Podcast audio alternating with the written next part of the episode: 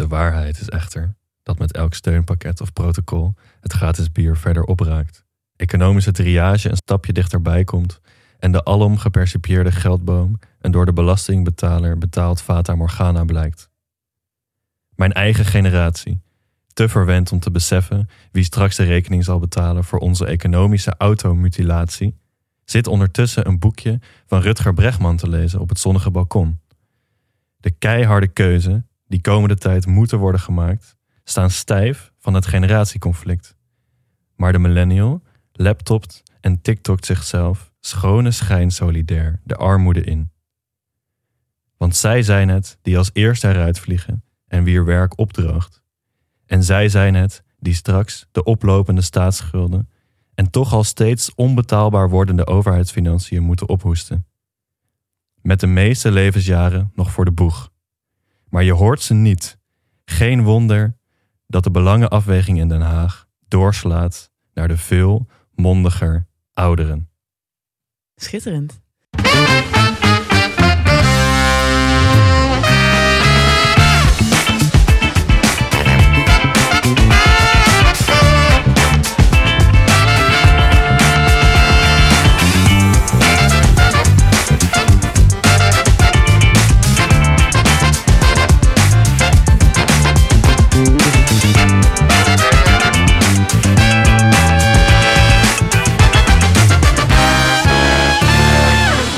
Was eh, een dramatic reading van een column van Sander Schimmelpenning.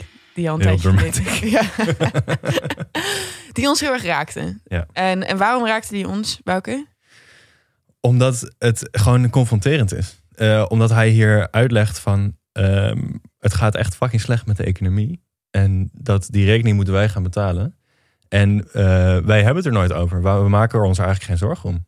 Nee, daarom die verwijzing naar Rutger Bregman. We houden Ja. heel, graag, heel erg van grote ideeën. En, Ja.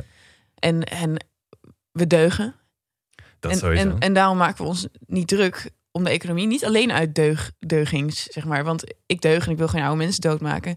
Maar ik denk ook dat wij het best comfortabel vinden om ons niet druk te maken over de economie. Dat ja, millennials, het, het is heel lekker. die, dat millennials die distantie tussen ons en de werkelijkheid best wel koesteren. Ja. ja, en de economie is natuurlijk best wel een, een abstract ding. Ik bedoel, als ik denk van het gaat slecht met de economie, denk ik van, oh ja. Ja, maar dat het is, het is heel concreet. Het heeft te maken met banen, het heeft te maken met Ja. huizen, en het Ja. heeft te maken met pensioenen. Ja, Pensioenen zijn zo ver weg dat ik denk van ja, daar, het komt wel goed of zo. ja, En ik denk ook dat die comfortabele houding, dat die veel te maken heeft met eh, de welvarende tijd waarin wij geboren zijn. mhm, Onze, onze ouders die hadden het allemaal echt goed voor elkaar. ja. Ehm, dat wij dus nooit met een of andere economische noodzaak zijn geconfronteerd. Zeg maar, hij heeft nooit ons in de nek geheigd. En nu Nee. staat hij er, je weet wel, Ja. te hijgen. En je voelt hem nog steeds. En je voelt hem nog steeds niet. Nee. Want je hebt hem niet leren herkennen. Ja, We denken niet dat je niet hoeft te werken. Maar je denkt natuurlijk wel van als je je best doet. En dan kom je er sowieso. En, en als je iets leuks doet en jezelf interessant vindt, Ja. dan zul je beloond worden. Dan zul je rijkelijk beloond worden. Want we zitten in een comfortabel land waar iedereen kan doen wat hij leuk vindt. Ja. Of zo. Ja. En, eh, en nou ja, dat vonden we scherp, scherp aange, aangestipt door eh, Sander Schimmelpenning. Ja, gotta love him. Ja, eh, dus vandaag hebben we het over de, eco- de economie en het instorten van de economie door corona. En wat jongeren daar al dan niet tegen kunnen doen. En Ja, waar ze en al wat voor lasten ervan hebben. Ja. Ook. Ehm, en dit is meteen al een beetje controversieel of zo. Omdat het is altijd als het over economie gaat in de coronacrisis... is het meteen van... oh, verkies jij dan geld boven mensenlevens? Oh ja, Ehm, is dat een terechte tegenstelling? ja, ik vind van niet. En eh, nou ja, ik vind, dat heb ik niet zelf bedacht... maar dat heb ik dus ook uit die, die column van Sander Schimmelpenning gehaald. De, de, echt wel de, de spokesman van de millennials op dit moment. Ja, inmiddels wel, ja. Ehm, waarna hij zei van, je kan zeggen, economie en gezondheid zijn twee verschillende dingen. We kiezen voor het een of het ander. Maar economie en gezondheid hebben alles met elkaar te maken. Bijvoorbeeld, eh, als jij opeens eh, geen inkomsten meer hebt, omdat er de werkloosheid heel hoog is, dan word je fucking depressief. Oh ja, Dat is heel slecht voor je gezondheid. Zeg maar, stress, dat zorgt er gewoon voor dat je levensjaren afnemen. oh oké. Dus om nou te zeggen dat je of voor corona patiënten helpen kiest of voor de economie, of dus voor gezondheid of geld, dat is gewoon bullshit. Nee, want je kweekt een zieke generatie, een arme generatie en een zieke generatie. Exact. Ehm, en nog een pijnlijk dingetje waar ik hierbij ook aan moest denken is dat eh, ik las deze week dat zelfmoordcijfers dit jaar eh, eh, lager zijn dan het jaar daarvoor. Dat verbaasde me heel erg. Oh, Ik dacht, iedereen zal depressief zijn.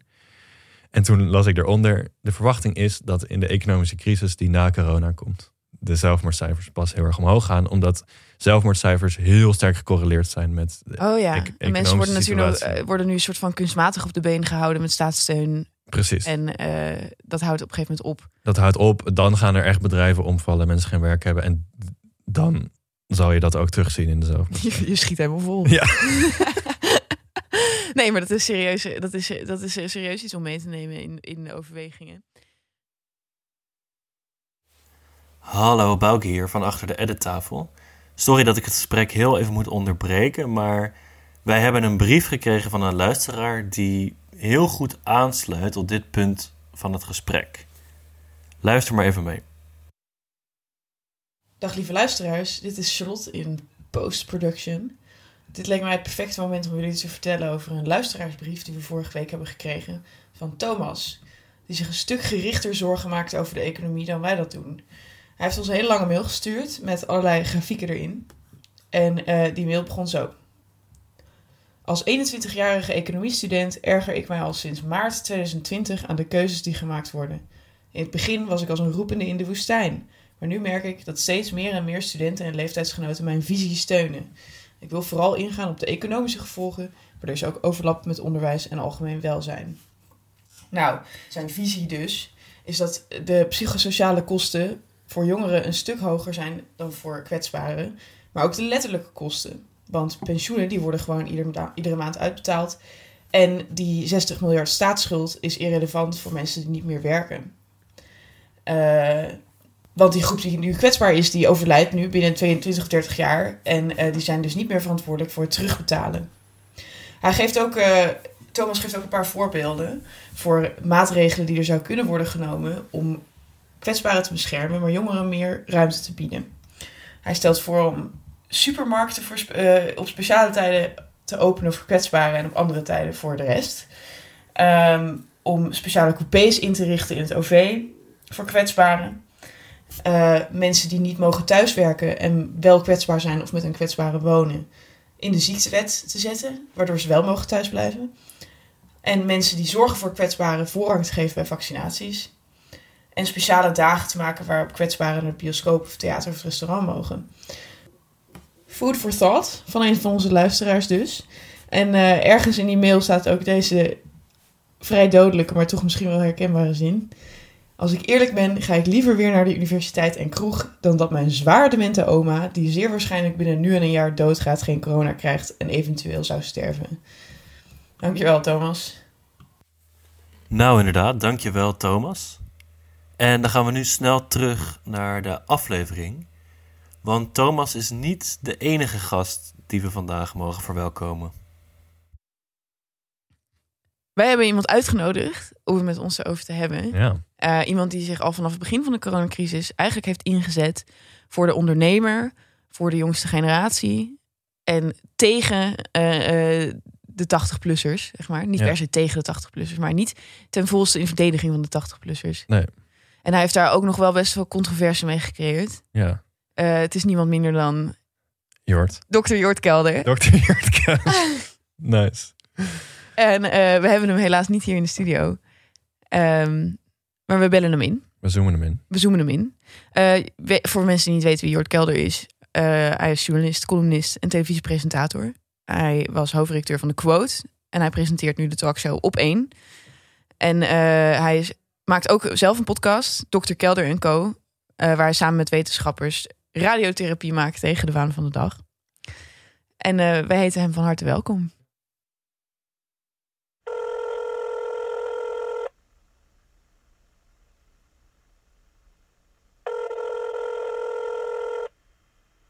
Hallo. Welkom. Eh, ik ben Charlotte.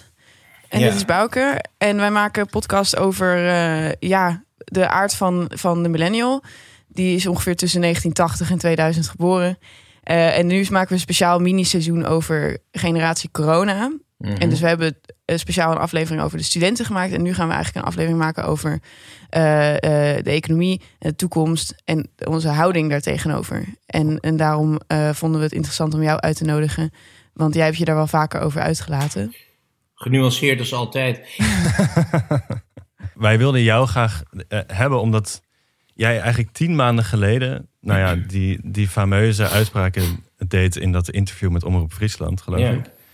En nou willen wij niet weer die oude koe uit de sloot halen, want dat was een uitspraak die volgens ons in ieder geval totaal uit context was gerukt. Compleet. Ja. Compleet. Maar het was wel mijn eigen schuld hoor, maar het was wel compleet uit context. Ja. Maar wat je laatst eh, eh, hebt gezegd eh, over de coronacrisis, eh, is dat het een crisis is waar zonder verdere discussie voor babyboomers wordt gekozen. Hun Ja. geld, hun leven en, en hun elektrische fietsen, zeg maar.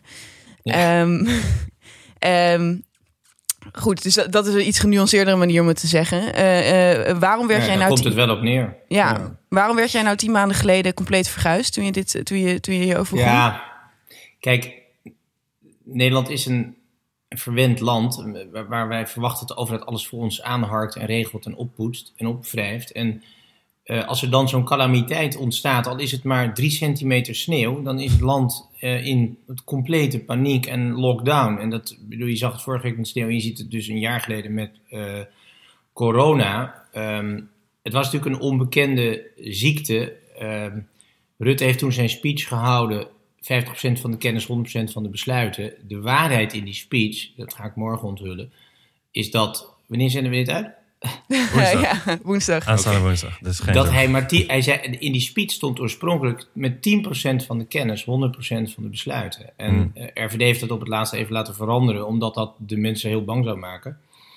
En het punt is dat ze het gewoon te weinig wisten en er was geen vaccin. En dus hebben ze, hebben ze en dat, dat is ook gelekt deze week natuurlijk in de Duitse politiek, de politici hebben hard ingezet op angstbeleid als, Ja. als middel om mensen in een voorheen vrije samenleving te dwingen tot eh, beperkende maatregelen. En ik snap het wel, want dat is gewoon psychologie.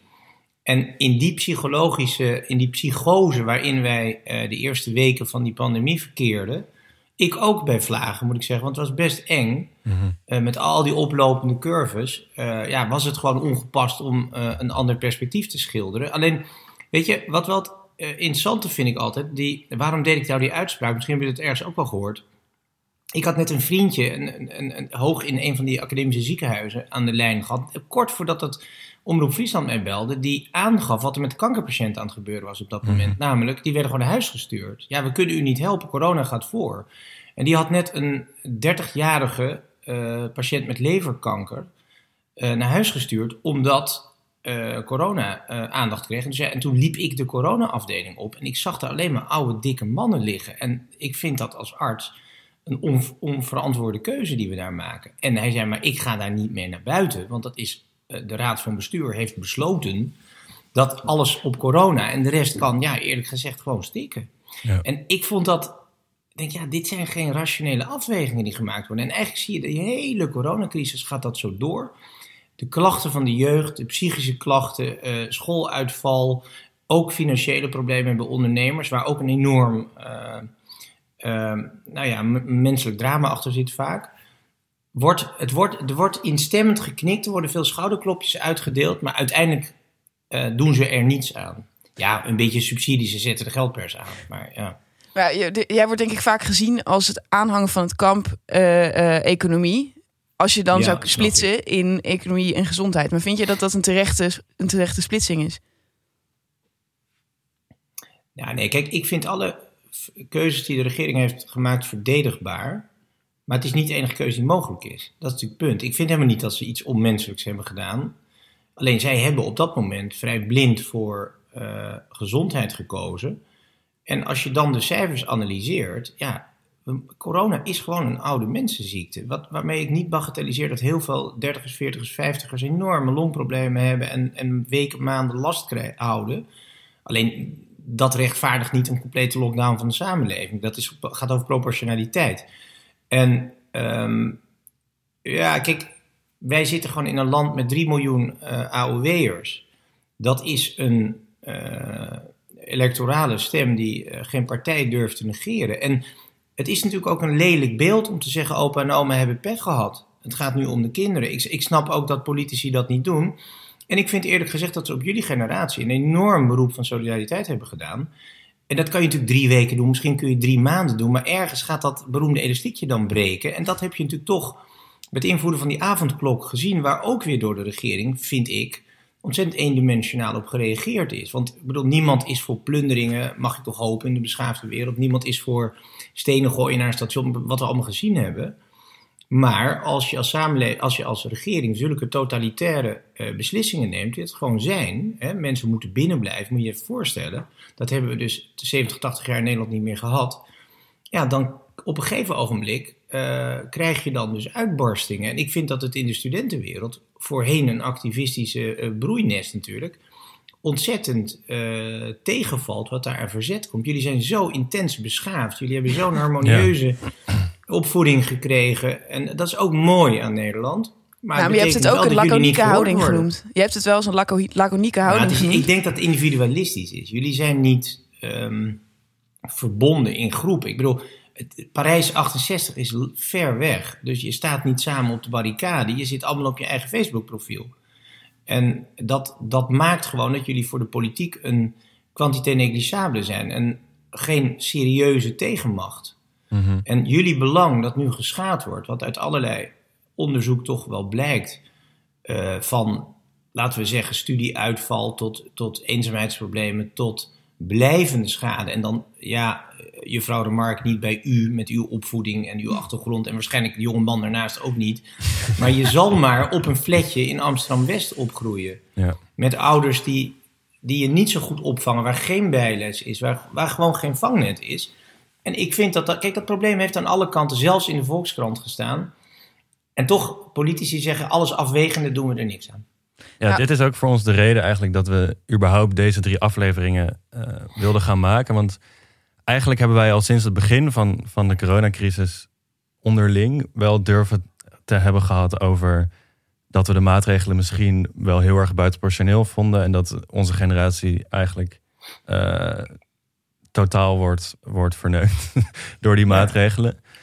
Maar um, we hebben er niks over durven zeggen. Uh, we hebben één keer eerder een aflevering gemaakt die er heel lief Ik kan het je ook ontraden. Ik heb meegemaakt wat er gebeurt dan. Ja. Nou ja, jij bent wel zo naar, naar, uh, naar gevolgen van. Maar weet je wat ook interessant is? Wij, jij hebt het nu over uh, dat, we, dat we zo harmonieus zijn opgegroeid. Dat we dan misschien te conscientieus zijn om ons te verzetten. En met klinkers te gaan gooien zoals de, zoals de Fransen. Um, maar Sander Schimmelpenning, die heeft dit een keer ook geweten aan een soort gebrek aan economisch besef. Dus dat we misschien zo veilig zijn opgegroeid. En dan heeft hij het vooral over zijn eigen generatie, dus millennials. Ja. Uh, uh, dat er geen uh, besef is van economische noodzaak. heb je, heb dat je dat idee ook? Ik denk dat Sander daar helemaal gelijk in heeft. Alleen dan moet je wel ook daar weer iets splitsen. Laten we zeggen, de biotoop van Sander en van jullie en ook van mij is Grachtengordel, Villawijk enzovoort. Um, dat is natuurlijk niet Amsterdam-West. Uh, Althans van buiten de ring. En um, dat, al die D66 en GroenLinks kinderen, ja, dat, die leven natuurlijk in een welvaartsbubbel, omdat de rijkste generatie uit de wereldgeschiedenis zijn, onze, zijn jullie ouders. Dat is gewoon zo. Daar komt een, een, jubeltonnetje voor het huis, daar komt dit. Dat, dat, dat, nou ja, laten we daar blij om zijn. Ik bedoel, we hebben ook ongelooflijk goede uh, welvaart voor de hogere opgeleiden gehad in Nederland. Hè. We, we, we, hebben natuurlijk een uh, sinds de jaren, eigenlijk, nou ja, eind jaren 80, 90, is die economische curve wel redelijk steil omhoog gaan voor die groep. Maar zit, je ziet daar natuurlijk kloven ontstaan, waarbij de belangrijkste kloof opleidingsniveau is. Die is bepalend voor welvaart, voor waar je woont, met wie je omgaat. Nou, dat hoef ik je niet uit te leggen. Maar er is ook een raar soort, uh, ja, het is niet politiek correct. Kijk, als je tegenwoordig iets zegt dan word je natuurlijk op Twitter echt afgeslacht. En ja. uh, het overkomt me eigenlijk tegenwoordig bijna iedere week dat er een, een, een lynchpartij uh, gaande is.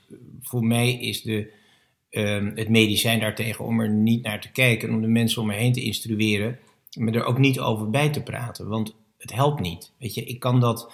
Dan zou ik de hele tijd op de rem moeten staan, de hele tijd me in moeten houden. En ik vind in alle eerlijkheid, en dat, daar zul je misschien over ik vind dat ik behoorlijk genuanceerd ben. Want ik ben helemaal niet voor een, het afslachten van de babyboomers. Ik ben voor het afwegen van belangen. En wat, ik vooral, wat mij vooral in die corona eh, crisis en discussie ontzettend stoort, is het gebrek aan intelligentie, aan analyse, aan, aan, aan uh, risicoweging. Kijk, jullie gaan gewoon niet dood aan corona. Nee. Dat is gewoon onzin. Dus dan kun je zeggen, hoe voorkomen we dat jullie je grootouders niet besmetten? Dat is de zaak die je voor ligt. Hoe kun je dat op een goede manier doen? Het kabinet heeft, begrijp ik ook wel weer vanwege artikel 1 grondwet, geen discriminatie naar leeftijd, gewoon gezegd, iedereen moet lijden, corona doen wij samen.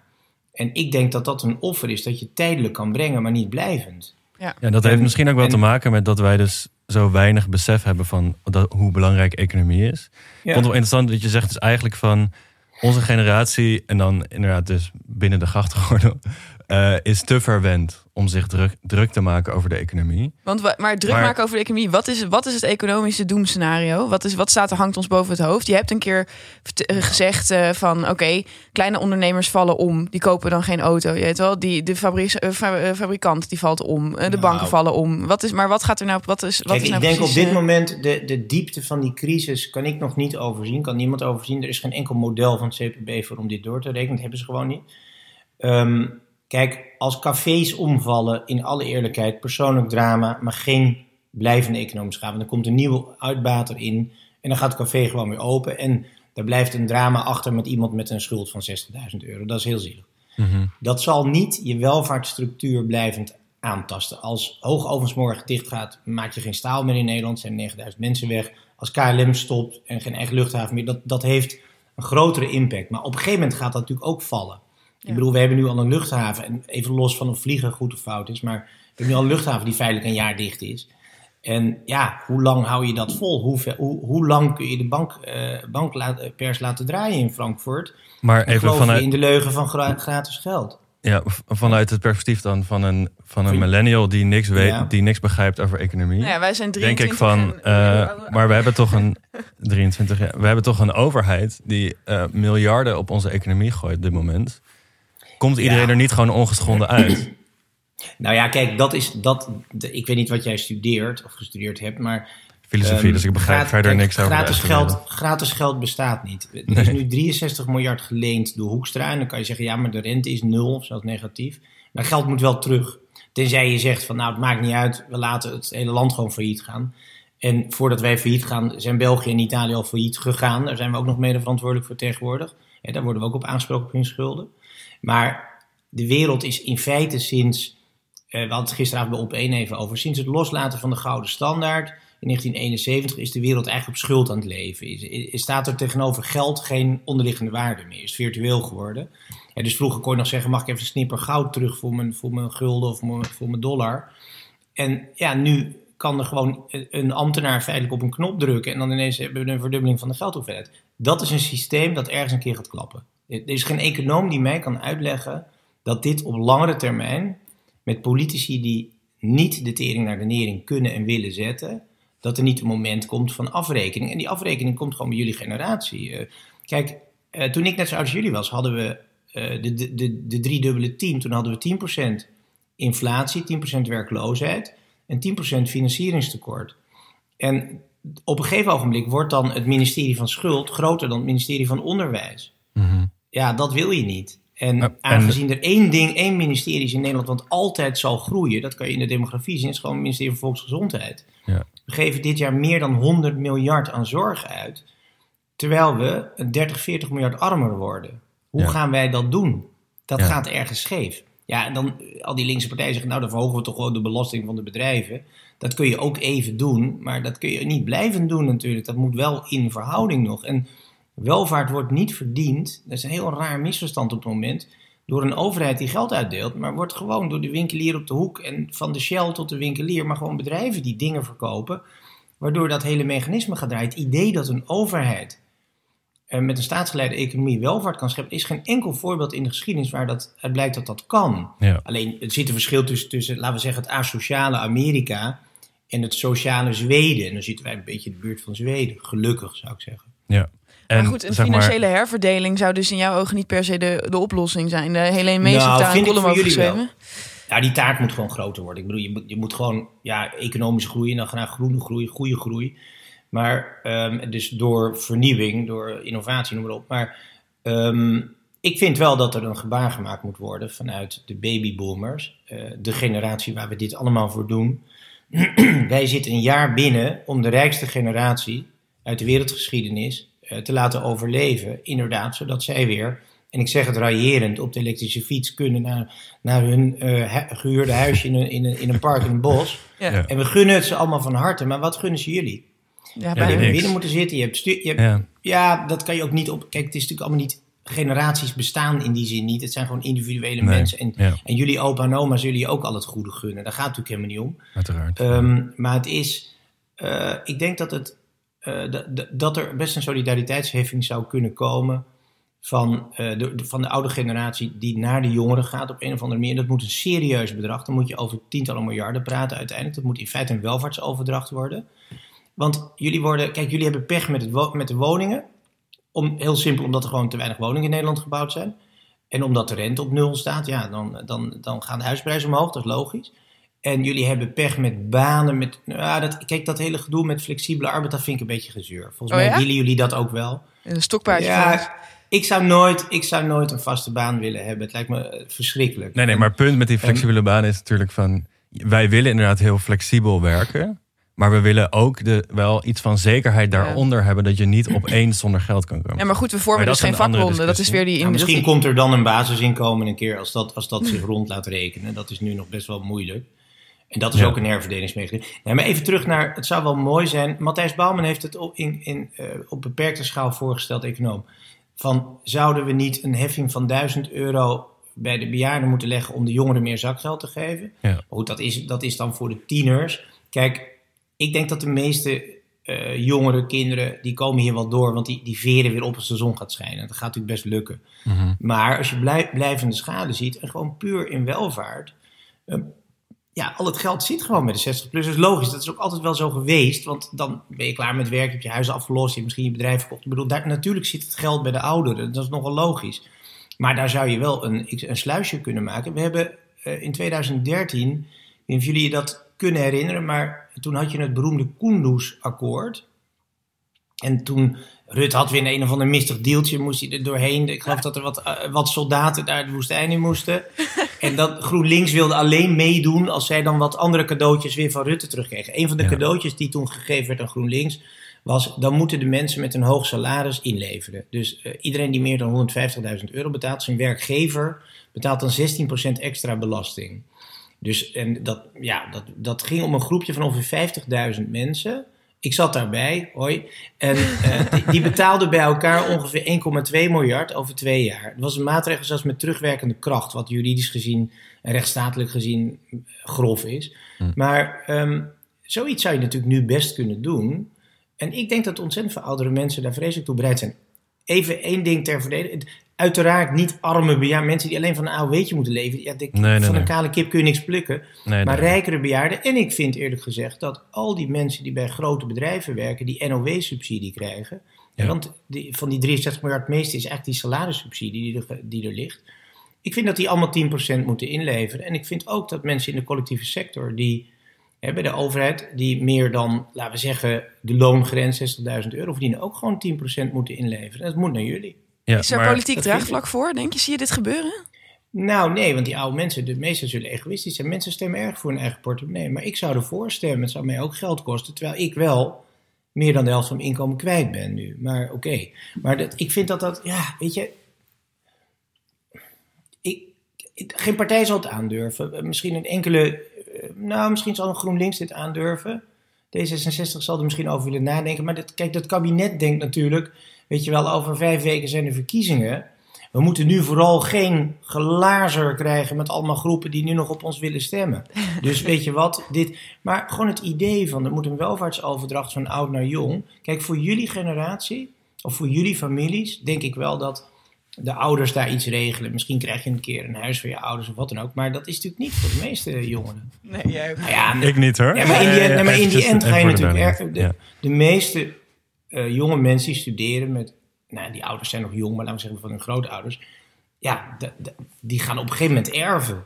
Dus je zou. Dat Sander Schimmelpenning zegt dat altijd. Moet je die erfbelasting niet omhoog gooien. Ik was er altijd tegen. En ik ben er wel. Ik ben, er wel, ik ben daar wel voor eigenlijk nu. Ja. Ik denk Ja. dat dat je dat toch wel.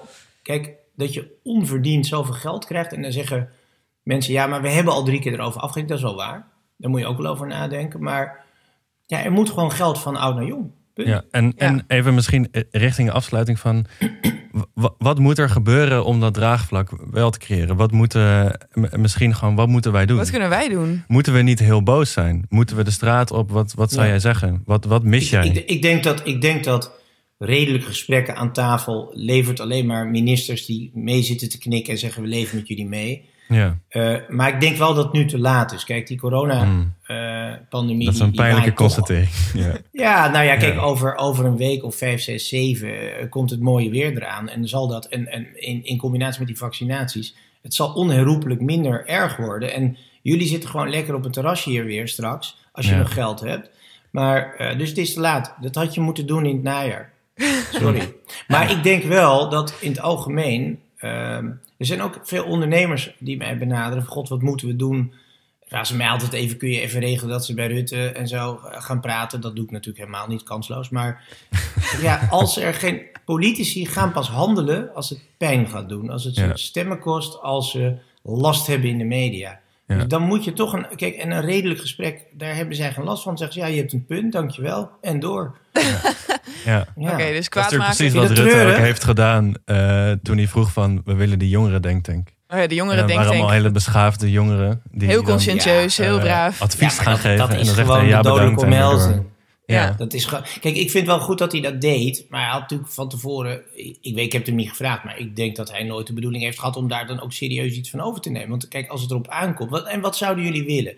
Geld is één ding, maar dat is fiscaliteit. Dat kan in informatie geregeld worden. Er, er moet sowieso een nieuw fiscaal systeem komen. Ja. Ehm, ja, die, kijk, ze zijn wel bezig met die wat vastere banen. Ehm, ja, ik ben toch voor een flexibele economie. We moeten meer naar een soort Deens eh, eh, beleid, waarbij je heel makkelijk ontslagen kan worden, maar ook weer heel makkelijk aangenomen kan worden. Ik heb wel met ondernemers te doen die enorme boetes krijgen als ze mensen ontslaan. En ik bedoel, dat helpt dus ook niet. En het rare in die arbeidsmarkt is, we hebben aan de ene kant de meest starre arbeidsmarkt van de wereld. Want al die verwende klootzakken met een vaste baan en handdrukken en auto's van de zaak en weet ik wat ze allemaal krijgen bij die grote bedrijven. Mhm. En aan de andere kant de meest flexibele eh, arbeidsmarkt waar je gewoon nul recht hebt. En dat combineren wij in één economie die zichzelf sociaal-liberaal noemt. Ja, dat klopt natuurlijk eigenlijk niet. En, dat Nee. zou, en, maar, en, en de Partij van de Arbeid en de VVD, grof gezegd, houden elkaar daar in een dodelijke omhelzing. Die levert de meest monsterlijke wetgeving op. en uiteindelijk zal dat geen wezenlijk verschil op, opleveren, denk ik. Nee. Je moet gewoon de kosten van aannemen en ontslaan eh, verlagen. En misschien moet je dan met z'n allen een, een, een, sociaal vangnet gaan bouwen, waardoor, ehm, ja, waardoor, er gewoon wel een bodem ook in het pensioensysteem voor jullie komt. Want daar ben je ook niet mee bezig, snap ik. Maar dat is natuurlijk ook een drama voor jongeren. Daar wordt wel iets aan gedaan nu. En we moeten gewoon huizen bouwen.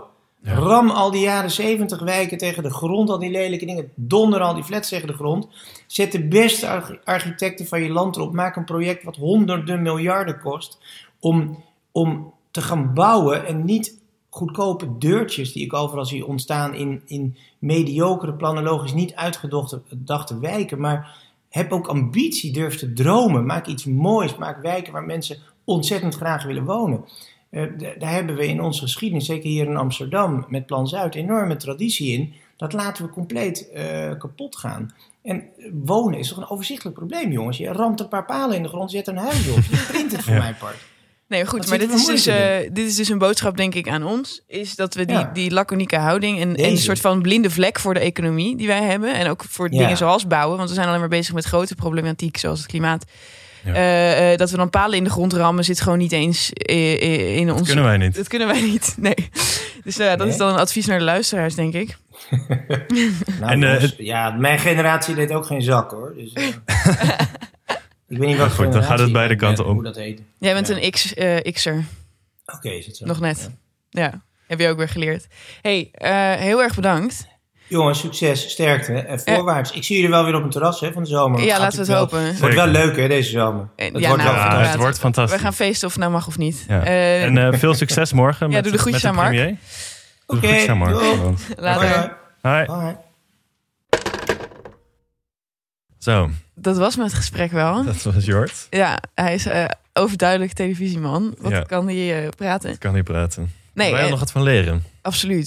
Nou ja, ik heb tot twee keer toe Bouke heel erg onderbroken net tijdens het gesprek. Daar schaam ik me nu diep voor. Nee, ik dacht dat je voor, goede voornemens had. ja, nee, dat is absoluut meer luisteren, meer luisteren. Maar goed, ja. Nee, maar ik vond dat we het best goed deden. Het was Ja. een leuk gesprek. Wat, wat heb je eruit gehaald? Nou, ehm, wederom dat economische besef dat dan niet dit dan laag is bij ons. Ja. En ehm, het, wat mij opviel aan het gesprek, wat ik niet had verwacht, is dat hij voor een economische herverdeling is. Ja. Dus gewoon voor een, een zieke tax op rijk en oud zijn. Ja, ik denk dat Jort minder rechts is Dan die eh, zelf dan uitstraalt. voordoet. Ja. Dat denk ik echt. Ja. Nou ja, of er is gewoon meer draagvlak dan wij denken voor, voor gewoon grote over, een grootschalige overdracht van welvaart. Mhm. Eh, want ik heb het wel vaker langs zien komen afgelopen tijd in, het, in, in eh, journalistiek. Dat er wordt wel meer gespeeld met het idee van waar gaat al die welvaart nou heen Mhm. bij, bij, bij, de 60, bij de 65-plussers met twee huizen. Ja. Eh, wat hebben die daar nou aan als er een heleboel, als er een woningcrisis en een arbeidscrisis is onder de generatie die straks Ja. die wereld moet gaan heropbouwen? Ja. Dus wat hebben we dan aan al dat geld Ja. als het niet in juiste handen zit? Dus Ja. dat is, ik, vind, ik vond het wel bemoedigend. Ja, jammer dat het dan nu te laat is om nog ons slagje uit de coronacrisis te slaan. Maar ik vond het bemoedigend dat hij dat zei. Dat, Dat vond ik ook bemoedigend. Ik vond het echt, echt wel vrij pijnlijk toen we vroegen wat kunnen we doen. Dat hij zei je bent echt te laat. ja, En daar heeft hij ook echt wel gelijk in. zo erg. En zeg maar, dit is ook waar we de hele tijd het jaar een beetje in zaten van moeten we nou hier over zeggen of niet? En we hebben het gewoon niet gedurfd. En hij confronteert je dan wel met ja, te laat. Ja, te laat, inderdaad. Wij hadden gewoon van de zomer al de barricade opgemoeten voor een economische herverdeling. Ja. Dat, en dat hebben we gewoon niet gedaan. Ja, Nee. Wederom, ik heb ook hier echt een blinde vlek voor. Ja, nee, dat haalde ik er ook uit van. de- op het moment dat het dan gaat over welvaart en de huizen en de, dat er geld wordt bijgedrukt en zo. Zeg maar, het is, ja, dat is misschien heel dom, maar het is zo abstract voor mij. Ja, Dus absoluut. ik denk van, ja, dat klinkt wel erg, maar Nee, maar het is, ja, wij eindigen vrij veel van onze aflevering met... oké, we hebben iets nieuws om dan kwaad over te zijn. ja. Dat er niet genoeg gebouwd wordt, ben ik dan nu kwaad over. Wist ik niet. dat je daar kwaad over was. Of Nee, dat er, nou ja, dat er niet genoeg gebouwd werd. Ja, maar alsnog, ik heb daarmee ook van, ja, wat vervelend, maar het, ja, het heeft eigenlijk heel weinig te maken met mijn leven op dit moment. Nou, weet je wat het, wel, wat het ook is? Wij maken ons voornamelijk druk over best wel abstracte problematiek. Dus als wij, Ja, wij, wij ja. stemmen groen en wij stemmen dus niet voor ondernemerschap en we stemmen niet voor bouw. Ja, Eh, we stemmen absoluut niet. Ik bedoel, hij had het over je moet een, een soepelere ontslagregeling hebben. Nou, dat is het minst sociale beleid dat je kunt voorstellen. Hè? Ja. Een soepele ontslagregeling. Ja. Maar goed, eh, eh, dat dat wat meer leven in de economie zou blazen, Ja. wil ik van hem wel aannemen. Ik had geen idee. ja, Nee, dus dat is dat. dat, dat goede eh, spiegel. Wederom inderdaad een hele goede spiegel. En nou, tof dat hij het wilde doen.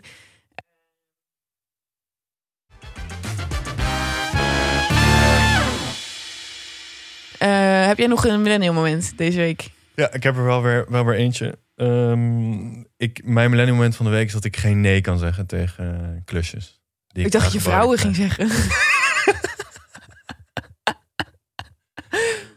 nee, eh, je kunt geen nee zeggen tegen wat?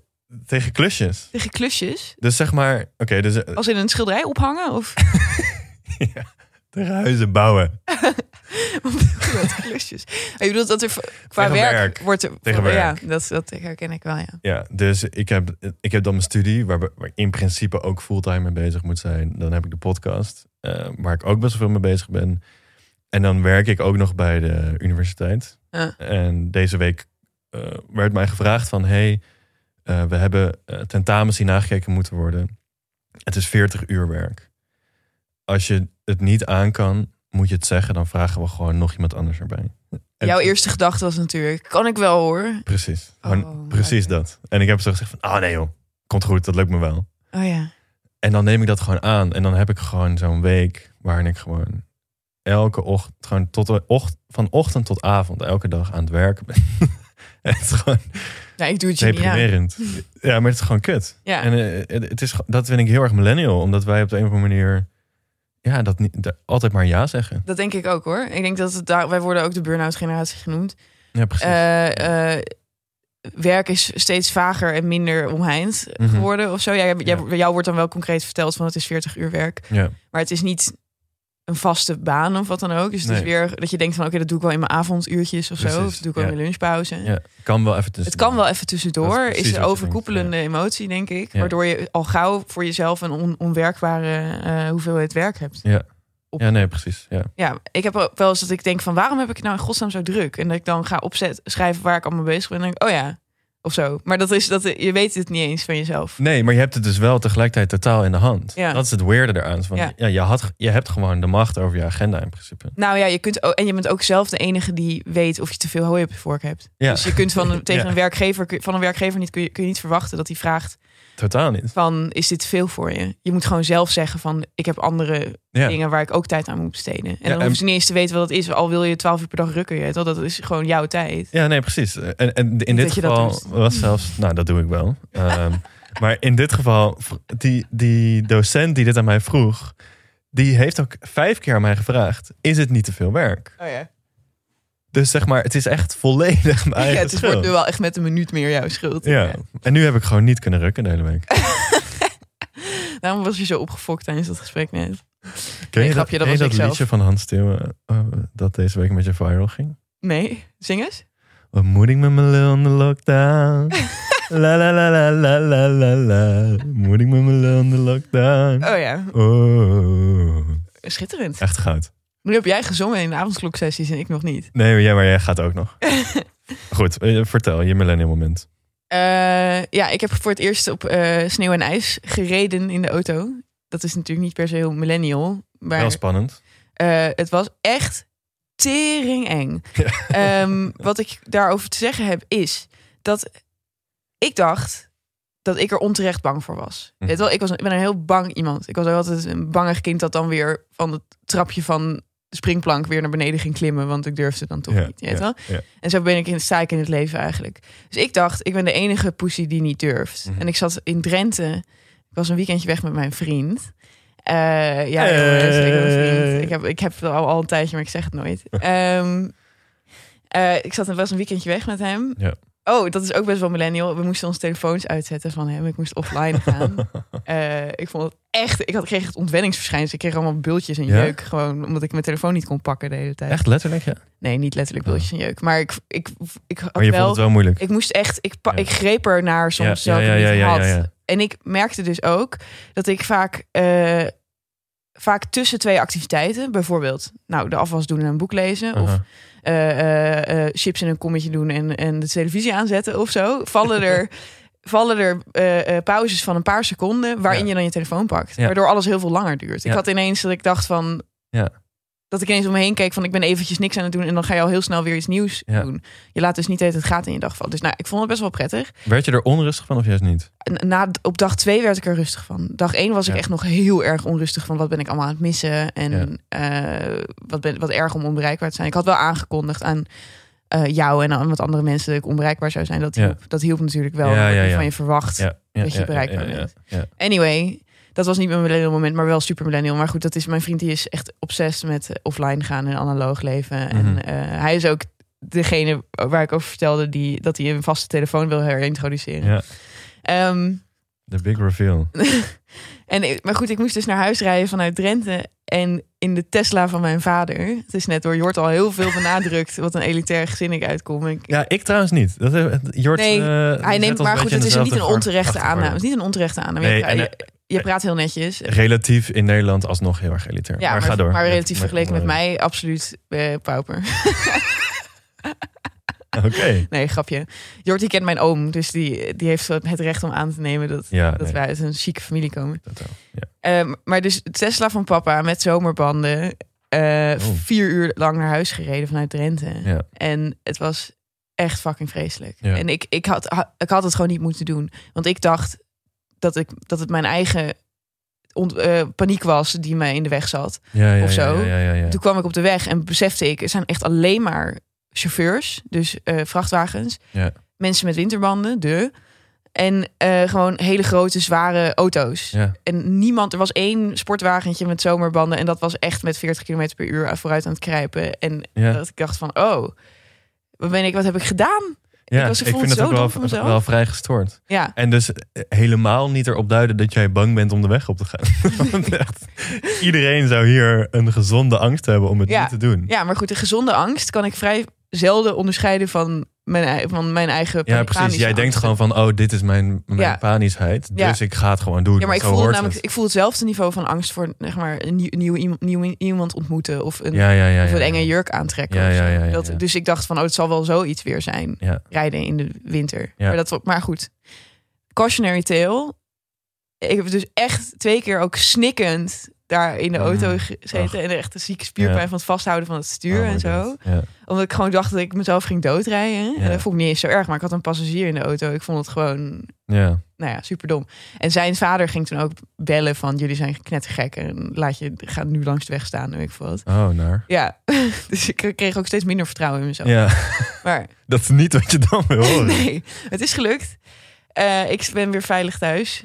Eh, ik heb wel brokken gemaakt, namelijk onderweg naar de studio vandaag ben ik van mijn fiets gevallen. Ja, Het is wel grappig dat ik daar moest ik net ook aan denken. Ja, Ja, het is wel een heroïsche tocht van Drenthe naar Amsterdam gelukt. in de brokken. auto. Ja. En dan ga je vanmorgen onderuit. Nou, dat is wel mooi. Heb je het gevoel dat je iets hebt overwonnen door terug te gaan? Of heb je meer zo van, ik had, dit was gewoon fucking dom. ik vind het achteraf echt heel dom, had niet moeten doen. Ja. Maar ik vind het wel fucking stoer voor mezelf. Ja, dat vind ik ook. Ik doe bijna nooit iets nieuws. Dus ik vond dit wel, ik ben wel blij met mezelf. Ja. Nou, we ben hebben vandaag bezig. ook iets eh, stoers gedaan, vind ik. Gesprek met Jort. Ja, Ehm, Ja. Trots op ons. echt heel erg leuk. Ja. En bedankt jullie allemaal voor het luisteren. Ja. Ik hoop dat jullie er wat van hebben geleerd. Ik vond het serieus allemaal heel erg interessant wat hij te zeggen had. Super interessant. Ja, Echt- Ehm, echt veel geleerd vandaag. En ook goed geconfronteerd. Ja, zeker. Ben ik ook blij Geen mee. doekjes erom gevonden. Ja. En bedankt aan de studio, Dag en Nacht Media. En onze producer Suzanne Moeilijker. Eh, haar werk wordt ook steeds moeilijker. Want er moest weer van alles aangesloten worden dat niet lukte. Ehm, bedankt aan Roos Velde voor het ontwerp van ons logo. En Lotte Jongen die een nieuwe redesign avondslok sessies versie heeft gemaakt. Ehm, wat nog? Als je ons nog wil mailen of berichten wil sturen over de avondkloksessies, over de podcast, wat dan ook. We krijgen heel veel mails de laatste tijd, vinden we super leuk. Mm. Kan je mailen naar uh, of je kan vriend van de show worden op vriendvandeshow.nl slash reddenmillennial. Daar kan je zelfs spraakmemo's achterlaten voor ons. Of contact ons via Instagram, Twitter, allebei gewoon @redmillennial. Ja. En dan eh, volgende week gaan we, het, gaan we de laatste aflevering van de avondkloksessies opnemen.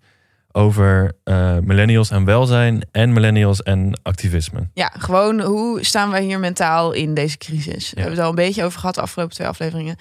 En dat gaan wij doen met uh, nou, beroepsjongeren, wat, hoe noemt ze zichzelf? Generatievertegenwoordiger. Ja, beroepsmillennial eigenlijk. Ja, Ja. Uh, millennial der millennials, Talita Muse. Talita Muse. Ook uh, op één presentator, net zoals Jort. Ja, maar wie is tegenwoordig geen op één presentator? Ik wacht een beetje op de uitnodiging. Ja, absoluut. Maar- Oh, wij zouden dat best wel goed kunnen denken. Ja, samen hè? Ja. Ik denk het echt wel. Ik denk het echt. Ja. Nou, tot volgende week jongens. Tot volgende week. Bye.